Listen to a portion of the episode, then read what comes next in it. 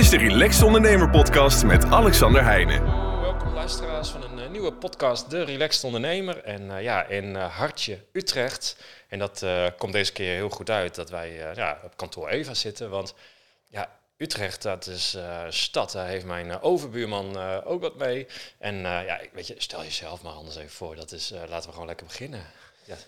Ja. Leuk om hier eh, Ja. aanwezig te zijn. Ja. Eh, inderdaad, mijn naam is Michiel Dijkman en ik ben eh, directeur van de Economic Board Utrecht. En het gaat dan over de metropoolregio Utrecht met Ja. anderhalf miljoen mensen. Dus niet alleen de stad, maar ook alles wat eromheen zit. Ja, en dat is echt ja, fantastisch. En daarom vond ik ook zo leuk. Want ja, ik zou, zal ik bij jou komen? Kom je bij mij? Want ja, het is toch al, ja, jij fietst naar mij of ik fiets naar jou. Dat idee. Ja, dus ik vond het helemaal leuk. En ook Utrecht. En nou, ook, ja, ik, via Roland Rutte kennen we elkaar. Die eh, doet ook iets in de politiek. Jij doet daar ook iets in. Daar gaan we straks natuurlijk ook nog even over hebben. Maar ja, en toen was ik jouw profiel eens aan het kijken. En toen nooit bij stilgestaan. Economic Board Utrecht, dat zoiets bestaat en zo. eh, want wat, wat is dat eigenlijk? Nou, dit is eigenlijk een, eh, een netwerkorganisatie. en ik heb zo'n 30 leden, waarvan vijf politici. Dus zeg maar de wethouders economische zaken van Amersfoort, Hilversum en Utrecht. De gedeputeerde van Utrecht en eh, de burgemeester van Utrecht is eh, mijn voorzitter. Dan heb ik eh, vijf kennisinstellingen, dus zeg maar van universiteit tot mbo. En dan nog de grote werkgevers uit deze regio. Dus denk aan de Rabobank, denk aan Genmap, denk aan Friesland Campina. dat soort ja, ondernemingen die, die veel mensen aan het werk houden. Ja, en wat ik dan zo mooi vind, want eh, ja, we gaan straks even helemaal op in, maar jij bent ook gewoon nog lekker jong, fris, eh ik- van de energie. En ja, als je dan zegt, ja, Economic Board Utrecht, dan denk ik, oeh, nou, daar zou er wel een, een oude grijze man op eh, zitten. Maar gewoon jong. Nou, ik, ja. ik, ik ben ook alweer 39, Ja. dus, maar, nee, maar ik, ik, snap wat je bedoelt. Ja. Meestal verwacht je vaak toch een, een oudere, grijze man die dit doet. Maar ik denk dat men juist gekozen heeft bij ook wel een, een, een vrij jonge regio, hè, met heel veel eh, jong talent, om ook daar een eh, jonge persoon op zo'n economic board eh, te zetten. Ja, nou, dat doen ze hartstikke slim. En ja, laten we gewoon eens beginnen bij het begin. Want ja, je bent dan nou, nog maar 39, maar je kan ook zeggen al 39 als je ziet wat jij allemaal al gedaan hebt. Je hebt een behoorlijke carrière er al op zitten. Dat, ja. ik, ik heb uh, uh, wat heel mooi is, 15 jaar eigenlijk in het bedrijfsleven gewerkt voordat ik hier mee begon. Hè. Onder andere bij, bij Samsung lang actief geweest, zeven jaar. Daar was ik verantwoordelijk voor de communicatie en de corporate affairs in de Benelux. Um, ja, en ik, ik heb ook altijd geprobeerd naast mijn werk ook andere dingen te doen, zoals inderdaad raden van advies, raden van toezicht. Uh, en dat houdt je ook scherp. Hè? Want als je maar bij één organisatie werkt, dan denk je dat die organisatie dat dat de wereld is. Zeker als je bij zo'n grote multinational werkt als Samsung toen. En ja, dus ook bij de NTR ben ik, zit ik in de Raad van Toezicht en ik ben voorzitter van het Limburgs Museum, de provincie waar ik oorspronkelijk vandaan kom. Ja, nou ja, dat al. En ja, je, je, je zegt het al, maar hè, zoals nou, jouw LinkedIn-profiel. Nou, ik zou mensen echt, als je hier luistert, ga alsjeblieft even naar jouw LinkedIn-profiel. En dan ga gewoon eens even wat artikeltjes van jou aanklikken. Uh, ja, dan zie ik foto's dat jij met uh, het Koningshuis zit, met Mark de, de, de minister-president, of de toenmalige minister-president, want sommigen zullen dit luisteren over een jaar. Dus dan zit je toch echt wel met bepaalde mensen op bepaalde plekken. Dat ik denk, ja, ik, ik ken ook mensen die werken bij Samsung, maar die gaan niet met. Uh... Het, is natuurlijk, het, is, het is een beetje ja. inherent aan, aan de functie ja. die, uh, die je bekleedt. Hè. Dat, ja. dat, uh, ik heb altijd wel een beetje in dat publiek-privaat gezeten. Hè. Dus waar het bedrijfsleven, eh, de, de overheid, CQ, de kennisinstellingen raken. En dan kom je vaak met dit soort stakeholders in contact. Kijk, als jij uh, natuurlijk uh, producten verkoopt, dan zit je misschien wel met de CEO van, van de mediamarkt. Ja. dus dat is weer een hele andere wijze van, ja, van acteren. Ja. En, en, en, hoe is dat dan? Dan ben je met Koningin Maxima, was je bijvoorbeeld op pad. hoe is dat? Nou, dat, is, dat, is, dat, is, dat zijn wel de spannende dingen. Hè. Ja. Ik, ik, was inderdaad betrokken bij Meer Muziek in de Klas. Dat is de stichting van Koningin Maxima, waar zij erevoorzitter van is. En uh, ik had daar een heel mooi project digitaal componeren in de klas uh, gedaan, door heel Nederland heen. Hè, van hoe, zorg je ervoor dat mensen techniek gebruiken uh, om muziek te maken? Nou, ik had dat laten inspelen door het Metropoolorkest. ja, en Maxima die vindt het dan wel leuk om, om zo'n activiteit te bezoeken. en, en daar mag je dan, als je zoiets hebt opgezet, ook bij zijn. Ja, nou, echt ontzettend leuk. Maar ook bijvoorbeeld eh, met, met de minister-president aan de andere kant van de wereld, New York. Ja, ja, klopt. Dat was, uh, dat was eigenlijk wel een leuk verhaal. in mijn vorige rol hadden wij een zeg maar, mooi project opgezet in Brussel. eigenlijk in Molenbeek. En dat heette Molen Geek. En dat was eigenlijk om, om die, die wijk, waar natuurlijk uh, mensen vandaan kwamen die ook de, de aanslagen in Brussel hadden veroorzaakt, om die een beetje uit het slop te trekken. Uh, en dat was zo'n succes dat de toenmalige vicepremier uh, Alexander de Croo, de huidige premier van België, zei van joh, hey, ik wil eigenlijk dat het bedrijfsleven waar ik toen werkte en dat initiatief meegaan naar de United Nations in New York om dat verhaal te vertellen en te kijken of we dat nog ergens anders kunnen opzetten.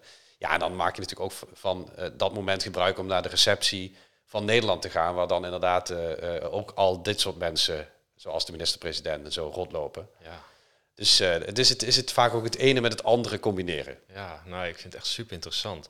Want ja, we, we kunnen wel tien podcasts vullen met allerlei dingen die je doet. Want ja, je, bent, je bent dagvoorzitter, je bent spreker, je, je zit in de raad van toezicht. Nou, hoe is het allemaal begonnen? Um, nou, ik, ik eigenlijk, eigenlijk is het een beetje begonnen op de middelbare school, waar ik op een gegeven moment voorzitter van de leerlingenraad werd. En dan kom je een beetje in dat ja, maatschappelijke veld. Hè? Uh, dat je zeg maar, ik werd toen lid van het debatteam van de middelbare school. Nou, dan gaan politieke partijen aan je trekken. En als je eenmaal in zo'n zo'n maatschappelijke rollentjes hebt gezeten, dan ga je van het ene rolletje naar het andere rolletje. En die rollen worden steeds ja, wat groter en wat interessanter, om maar zo te zeggen. Ja. En dan denk je op een gegeven moment, hier moet ik maar wat mee gaan doen.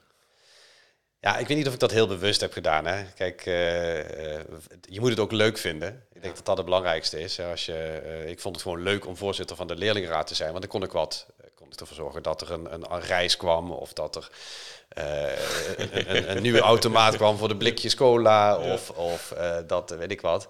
Weet je, je hebt een bepaalde invloed. Ja. En je spreekt met mensen die, eh, waarop je, uh, die je kunt beïnvloeden. Ja. En ik denk dat dat wel altijd in mijn carrière uh, is gebleven. Hè? Van hoe kun je ervoor zorgen dat je iets voor elkaar krijgt als je een idee hebt. En dat is, ik, ik zei al, ik ben geen ondernemer, maar ik ben wel een ondernemende geest, denk ik. Nou, dat heb ik met jou heel erg. Denk ik, ja, je, je, je denkt echt als een ondernemer. En, en ja, goed, je bent het dan misschien niet in functie, maar wel in jouw hele denken en doen. En, ja. ik, ik, zie bij jou Aldo, jouw Aldo denken in kansen. Dat is ook heel, echt wel heel leuk aan jou. Ja, ik probeer altijd hè, bij ieder gesprek te denken van oké, kunnen we hier iets concreets uithalen? Kunnen we iets opzetten?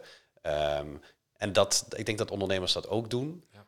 En uh, ja, dat zorgt ervoor dat je dingen voor elkaar krijgt. En mijn, mijn, mijn oude baas uh, zei wel eens uh, tegen mij, Michiel, jij durft ook een klein beetje buiten de lijntjes te kleuren. Ja. Niet te veel, maar wel net genoeg om iets voor elkaar te krijgen. Ja, ja ongelooflijk. Hey, en dan op een gegeven moment, ja, je bent spreker, dagvoorzitter. Nou, geloof dat als er na, na de dood is dat angst nummer twee in de wereld.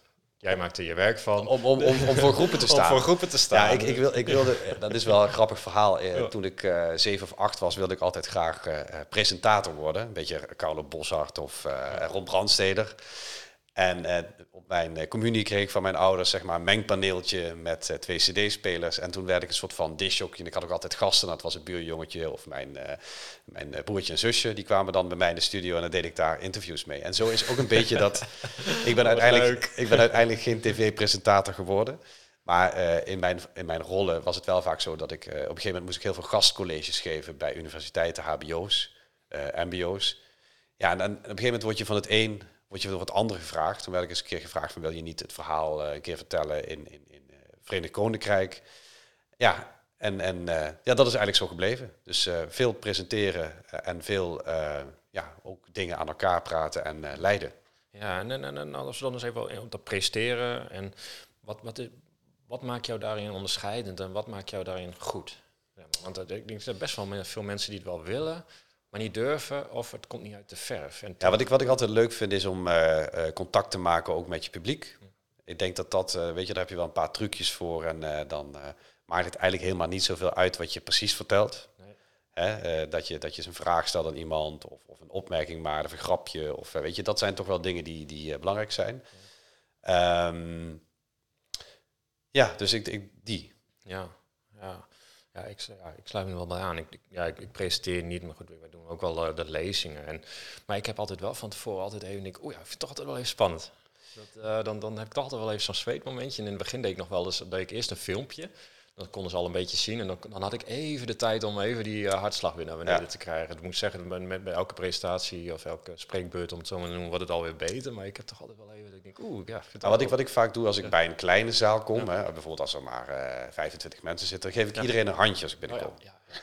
Dan heb je al een soort persoonlijk contact gehad met jou, eh, ja, de mensen met wie je dadelijk eh, in contact bent. Ja, slim. Nou ja, ik, eh, ik vind het echt superleuk. En dan, ja, politiek komt ineens op je pad. Ja, ik vertelde net, ik, ik deed mee op weg naar het lagerhuis. Hè. Mijn Nederlands leraar had me daarvoor opgegeven. Dat was niet eens dat ik dat zelf... eh, hè, want ja, Michiel, jij eh, doet alle dingen op school, dus eh, doe dat maar. Nou, dat, daar vloog ik in, eh, in een bepaalde ronde eruit. Maar ik werd, ging toen naar het Nationaal Jeugddebat. Dat is een debat waarin jongeren uit heel Nederland dan meedoen in de Tweede Kamer.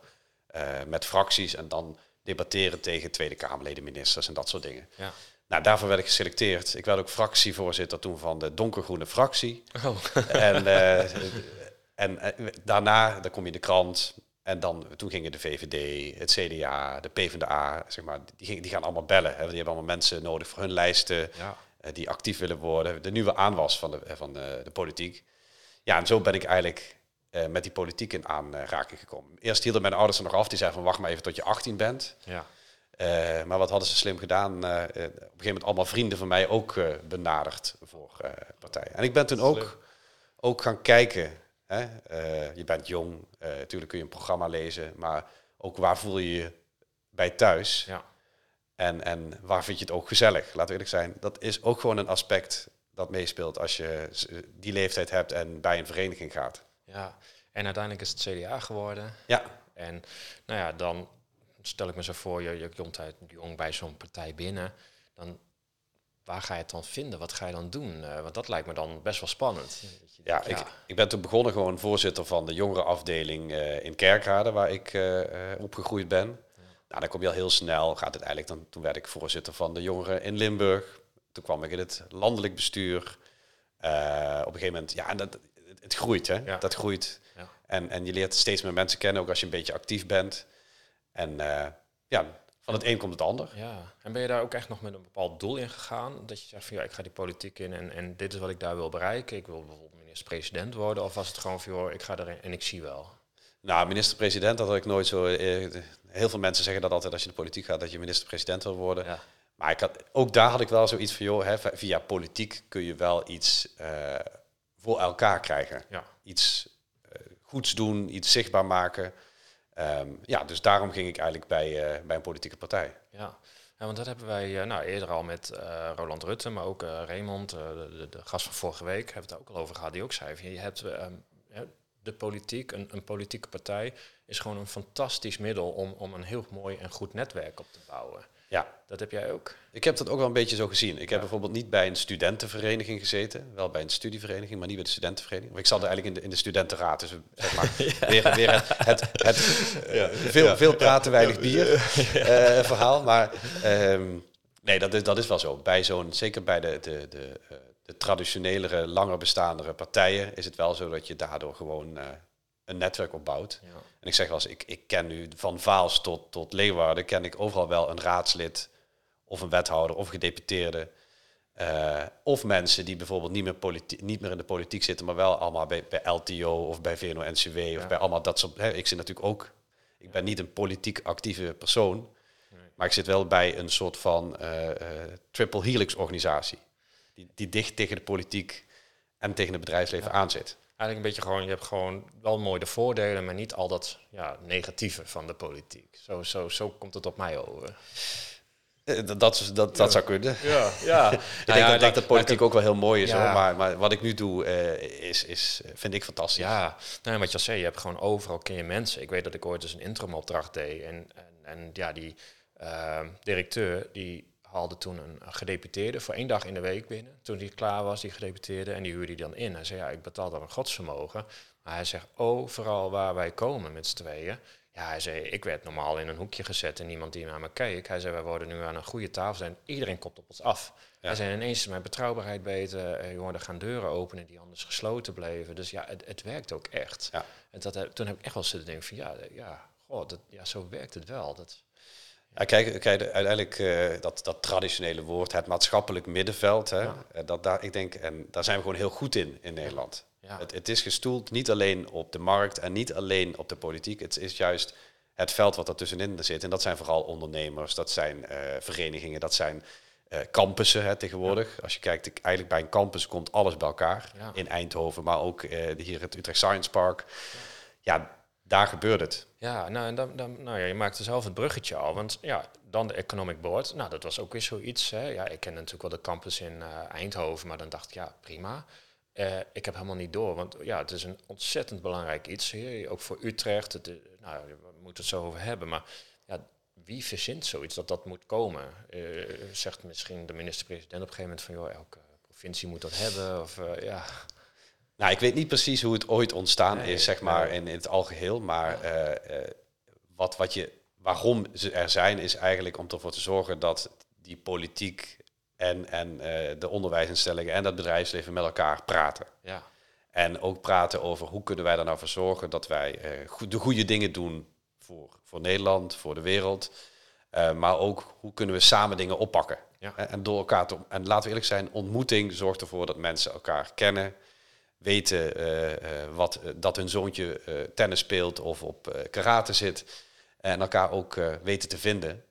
Een, een mooi voorbeeld vind ik bijvoorbeeld dat de, de voorzitter van de Hogeschool van Utrecht en de wethouder van Hilversum elkaar hebben leren kennen tijdens een boardmeeting van eh Economic Board. En nu is er een dependance van die hogeschool in Hilversum geopend. En Ja. lopen er nu duizend studenten rond. Kijk, dat, zijn, dat komt door ontmoeting. Ja. En die kun je faciliteren als zo'n Economic Board zijnde. ja, denk, denk wat ook een Economic Board doet, het moet ook het uithangbord zijn buiten een regio. Hè. We zijn vorig jaar zijn we in eh, Kopenhagen geweest met een grote delegatie. Nou, bijvoorbeeld het WHO-congres naar eh, eh, Utrecht gehaald. Of we hebben ervoor gezorgd dat een bepaalde wijk hier, de Cartesiuswijk, een, een WHO-pilot is geworden. Dus je probeert ook echt dingen voor elkaar te krijgen of bedrijven te verleiden naar Utrecht te komen. Ja, nou ja, ik, ik, volgens mij doe je dat heel goed, want Utrecht is op dit moment volgens mij ontzettend populair. En, en, en dan denk ik van, joh, ehm, nou ja, iedereen die hier eh, werkt, ja, die vindt natuurlijk Utrecht grandioos, maar de helft kan hier niet eens wonen. Dus dat lijkt me voor jou het moeilijkste. Ja, ja. Eh, Utrecht, eh, de regio Utrecht, hè, de metropoolregio Utrecht, is uitgeroepen tot de meest competitieve regio van Europa door de Europese Commissie. Nou, en we, en we staan al twaalf jaar in, in de top drie. Ja. Fantastisch, super. Maar wat jij net zegt, daardoor ben je ook razend populair voor bedrijven en voor mensen. Dit is de snelst groeiende regio eh, van Nederland. Eh, daarnaast is het, eh, hebben we de grootste arbeidsmarkt, krapte na Zeeland. Dus iedere Utrechter kan kiezen uit twee banen. Ja, Ehm, en we hebben veel te weinig woningen. Dus dat betekent inderdaad dat je ook naar dat vestigingsklimaat moet je continu blijven kijken van hoe kunnen we ervoor zorgen dat mensen kunnen leven, werken en genieten. ja. En is dat dan ook iets waar jij bijvoorbeeld weer nou ja, met, met, met andere gedeputeerden of eh, wethouders ook mee in gesprek bent? Van, joh, weet je, ik kan wel een heel groot bedrijf hier halen, maar ja, zij stellen als eis dat er zoveel eh, appartementen moeten zijn voor medewerkers. Ik, noem maar wat. eh, hoe, hoe kunnen we dat weer aanvliegen? Kijk, eh, A, eh, maak je met, met alle leden die zo'n economic board heeft, maak je Ja. keuzes. Hè. Wij hebben gezegd, oké, we willen inzetten op eh, bedrijven die passen bij eh, de gezonde samenleving. Hè. Het kloppend hart van de gezonde samenleving. Dus dat kan zijn eh, gezondheid, duurzaamheid in combinatie met digitalisering. We zeggen ook niet voor niks Utrecht Heart of Health. Maar dat betekent, als er een plekje vrijkomt in de regio, dan hopen wij dat daar een bedrijf komt die past bij dat profiel en bij die keten. Eh, en dus ik ben inderdaad nu ook wel met, met de wethouders in, in gesprek van kun je niet een soort van eh, Utrecht Heart of Health principles hebben, zodat je er wel voor zorgt dat als er een plek vrijkomt op jouw bedrijventerrein, dat dat ook een bedrijf is dat past bij het profiel van die regio. Ja. Nou, dat doet soms pijn, hè? Eh, en dat is kiezen is gekozen worden. Dat is niet makkelijk. Maar het, het, ik merk wel doordat we die keuze nu gemaakt hebben, met z'n allen, hè, dat is niet alleen ik en niet alleen de Economic Board, maar alle partijen in zo'n regio, eh, dat daar ook naartoe gewerkt wordt. Ja. Eh, ieder congres dat wij willen binnenhalen moet ook passen bij het profiel. Ieder bedrijf dat we willen binnenhalen moet ook passen bij het profiel. En internationaal gezien, waar wij naartoe gaan om contacten te leggen, dat moet ook passen bij dat profiel. Ja, ongelooflijk.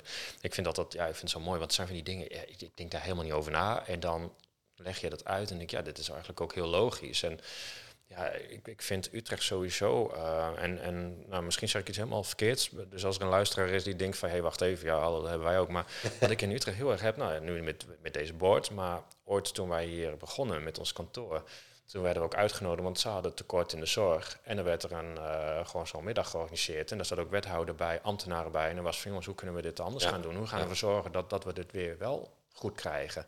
En, en daar werd ook geluisterd. En, en toen werd ik ook gewoon gebeld daarna door zo'n wethouder. Die, die, die zei, hé, hey, maar je zei dit en je zei dat. Ja. Schopte er best wel tegen wat heilige huisjes aan. En dat ik dacht van, hè, ongelooflijk. Die, die, die zitten echt met de ondernemers, met de, met de mensen, met de uitvoering. En ja, nou, zijn, misschien zeg ik het helemaal verkeerd. Ik heb het idee dat dat in Utrecht veel meer is dan ergens anders. Of, ja. vind, vind ik moeilijk uh, om te zeggen, uh, maar uh, dat het zo is, ja. dat weet ik wel. Maar heb jij dat altijd, dat, dat relaxte? Nou, is natuurlijk af en toe borrelt het wel een beetje van binnen bij dingen. Maar over het algemeen heb ik zoiets van, joh, als, als, ik, als er iets gebeurt wat je niet verwacht, dan moet je gewoon kijken, kan ik, kan ik er een oplossing voor vinden. Ja.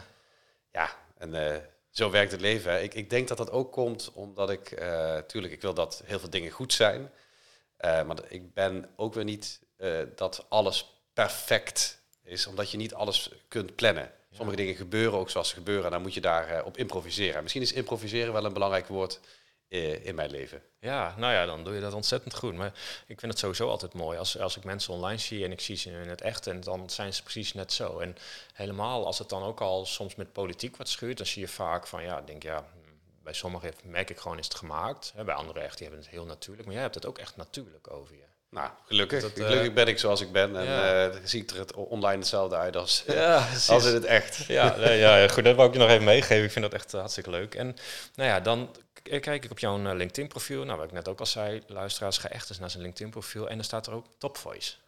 Wat is dat? Ja, daar werd ik eigenlijk in 2019 uh, een beetje door verrast. Ik, werd, ik kreeg een, opeens een, uh, een berichtje van iemand van LinkedIn. En die zei, ja, jij staat... de kans is groot dat we jou binnenkort tot LinkedIn Top Voice gaan bombarderen. Nou, ik had eigenlijk nog nooit gehoord. Maar blijkbaar heeft LinkedIn een soort van... ja, influencers-achtige mensen, maar dan niet zozeer met de meeste likes of de meeste weet ik wat, maar meer mensen die het debat, het maatschappelijk debat op LinkedIn bevorderen.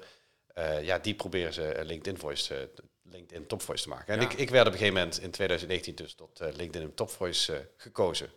Gaaf. Ja, ik had er eerst niet van gehoord en ik zag het zo bij jou staan. En dan ga ik even andere profielen kijken. Ik, nee, dat zie ik niet denk, dat is iets. Maar, en, en, en, en wat gebeurt er dan? Dan uh, komen ze met champagne en confetti. Uh... Nou, je, dat, dat, je staat in een ja. van de zoveel lijstjes. Ja. Dus ik stond uh, inderdaad in de lijst van 2019 met negen andere mensen. je ziet ook wel opeens dat uit de hele wereld mensen je gaan toevoegen en gaan volgen en dat soort dingen. ondanks dat ik tot nu toe vooral in het Nederlands publiceer. Um, en eigenlijk is het ik ben niet op LinkedIn actief geworden om uh, LinkedIn Topvoice te worden, omdat ik niet eens wist dat het bestond. Nee. Maar meer omdat ik, ik, ik, werkte bij Samsung destijds in, in 2014 toen ik mijn uh, profiel aanmaakte op LinkedIn. En ik moest daar iedere week een soort van rapportje schrijven naar Korea toe, om te laten zien wat ik allemaal uh, deed of wat de afdeling deed. En ja, daar wilden ze ook graag bewijsvoering van, hè, dus foto's met, met wie je had gesproken. En ik denk, ja, maar ik denk, als ik dat op een e-mail zet, kan ik dat natuurlijk ook op LinkedIn zetten.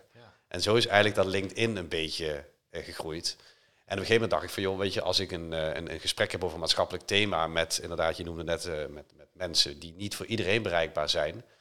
Ja, ik dan, bijvoorbeeld, dan zei ik van, joh, hey, ik spreek volgende week met Prinses Laurentine over digitaal samenleven.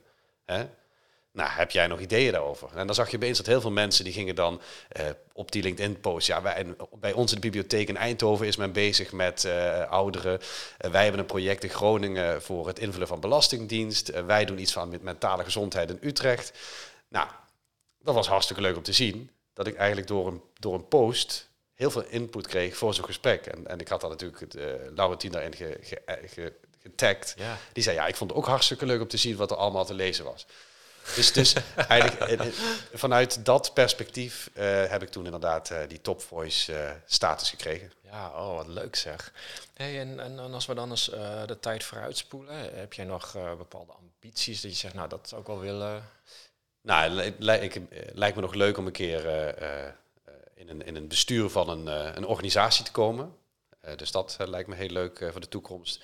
Ik heb ook nog wel eens met mijn vrouw over van ja, lijkt me ook nog wel leuk om een paar jaar misschien uh, iets in het buitenland uh, te wonen, te leven, te doen. Um, aan de andere kant kun je ook heel veel dingen niet plannen. Dus uh, ik, ik ga zien wat er komt. Maar zoals je net zei, weet je, ik zie wel altijd kansen en mogelijkheden. En eh, ik heb niet alles helemaal in mijn hoofd zitten van tevoren, zo gaan we het doen. Maar als ik denk van, hé, hey, dit is nou, dit lijkt me echt heel cool, dan spring ik er wel bovenop. Ja, superleuk. En, en dan, ehm, nou ja, straks komt er ooit weer eens een uh, regering en uh, misschien nog weer heel veel later een uh, regering weer met bijvoorbeeld CDA. En dan bellen ze en dan zeggen ze, joh, kun jij staatssecretaris worden of minister? Zou je dat, zou je dat ambiëren? Nou, ik denk wel, ik denk wel, wat ik net zei, dat je ja. dan wel in zo'n rol kun je wel verschil maken. Ja. Dus ik zou dan, uh, ik denk dat heel veel mensen niet nee zouden zeggen. Nee. Aan de andere kant moet je ook wel altijd denken, uh, uh, het kost heel veel tijd. Ik heb nu een zoontje van 2,5. Nou, we hopen dat het gezin nog wat groter wordt in de toekomst. Dat betekent wel dat je ook heel veel moet inleveren op je gezinsleven. En ik vind nu dat ik een hele mooie balans heb tussen hard werken en, en leuke nevenfuncties, maar ook gewoon lekker met mijn zoontje, mijn vrouw, uh, uh, leuke activiteiten ontplooien. Ja. En dat is natuurlijk in zo'n functie, hoe leuk en hoe maatschappelijk relevant ook, wel een stukje moeilijker. Ja, dat ook. Nou ja, ik, uh, ik, ik, zou, ik zou voorstemmen als ik wist dat jij minister zou kunnen worden. En dat ben ik serieus, want ja, nee, dat meen ik gewoon punt. Daar ga ik helemaal niet toelichten. Dat is gewoon zo. Dus uh, hey, uh, ja, we kunnen nog uren doorpraten. Uh, want je doet nog zoveel meer. Je zit in de Raad van Toezicht, NTR. ja, wel meerdere trouwens.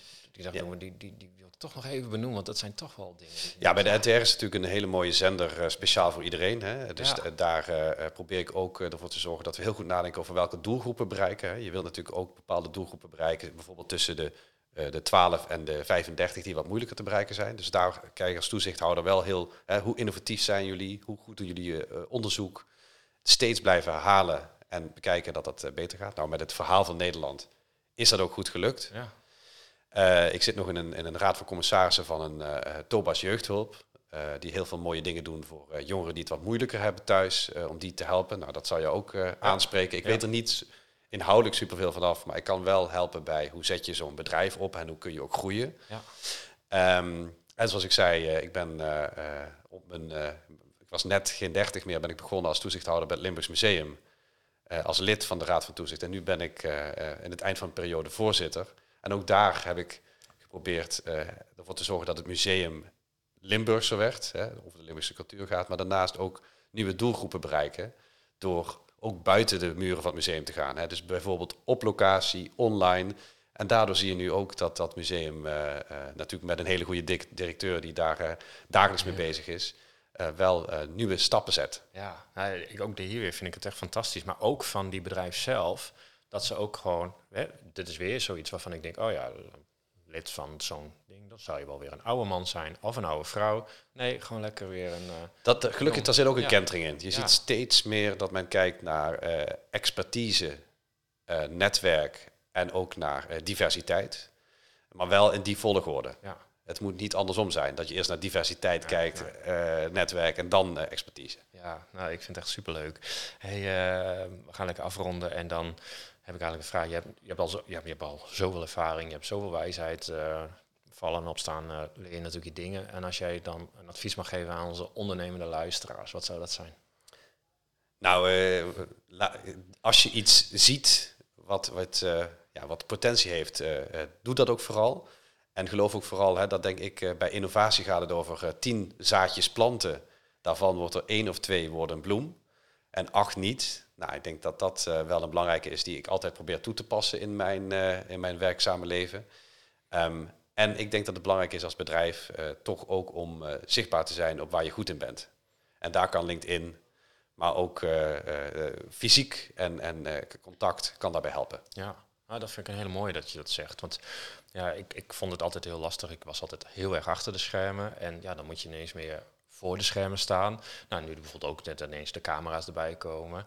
En toen uh, zat ik zeer met uh, Lotte, die heeft dan top sales. En die zei op een gegeven moment, ja, weet je, als je niet in de spotlight staat, dan gaan ze je ook niet zien. En dan soms zijn hele simpele dingetjes. En ja, wij doen het met uh, even carrièrezorg, even veel nu ook. We hebben dan continu zijn we aan het vertellen wat we aan het doen zijn. En je ziet gewoon wat voor reacties er komen. En dan hebben we het niet eens over wat wij aan producten doen. Hè. We hebben het gewoon over gewoon hoe onze cultuur, je krijgt... Ja. Je, je, hoeft ook niet, je hoeft ook niet bij iedereen zichtbaar te zijn. Nee. Hè? Je moet zichtbaar zijn bij de mensen uh, die relevant zijn voor jouw product of voor jouw dienst. Ja. En, en dat is wel het verschil tussen een, een, een, uh, een bedrijf, een ondernemer en bijvoorbeeld een, een influencer die vooral uh, heel veel likes en heel veel followers wil hebben. Ja. Ik denk voor jouw bedrijf is het belangrijker om de 100 belangrijkste klanten in jouw eh, systeem te hebben zitten dan om 10.000 likes te krijgen. Ja, ja, klopt. Ja, ik vind het ontzettend leuk. Ik vind het ook echt een ontzettend goed advies. Want dat is echt iets waar heel veel, nou ook ondernemers, maar ook best wel veel bedrijven best wel stuk lopen. Dat ze doen fantastische dingen, maar niemand ziet het. Ja. Dus uh, nou ja, hartstikke mooi. Ik, uh, ja, wij, uh, wij kunnen nog uren doorpraten. Wij, wij zetten zo even de microfoon uit en dan dan gaan we nog even doorkletsen. Ik, ik wil je ontzettend bedanken voor je komst. En, en ja, ik, wat ik al zei, ik vind je echt een fantastisch persoon. Dus ik vind het heel eerlijk dat je even in de podcast wilde komen. Dankjewel, ik vond het leuk. Ja. En nou, ja. tot de volgende keer. Ja, en ik wil zeggen dan, dan als minister waarschijnlijk, of zo, of staatssecretaris. Maar dat, nou, je ja, of, of, gewoon, of gewoon bestuurder van een mooie organisatie. Precies, doen we dat. En helemaal in het buitenland, dan kom ik daar wel heen. Dat is ook Zeker, wel leuk. Dat, wat zonnetje schijnt. ja, precies. Dus, nou, en dan alle luisteraars ook weer bedankt voor het luisteren. En ehm, mocht je denken van, oh, ik vind het helemaal fantastisch, of ik wil uh, ook wel ondernemen, of ik wil ondernemender gaan denken. Nou, op de relaxte, de, de relaxte ondernemer, kan mijn eigen naam niet eens uitspreken. Op de relaxedondernemer.nl, daar hebben we dus een hele leuke masterclass, gewoon gratis kun je bekijken. Daar hebben we ook hartstikke leuke dingen. Uh, en natuurlijk nog het boek De Relaxed Ondernemer. En uh, anders zeg ik gewoon tot volgende week vrijdag. Dit was de Relaxed Ondernemer podcast met Alexander Heijnen. Bedankt voor het luisteren en tot de volgende keer.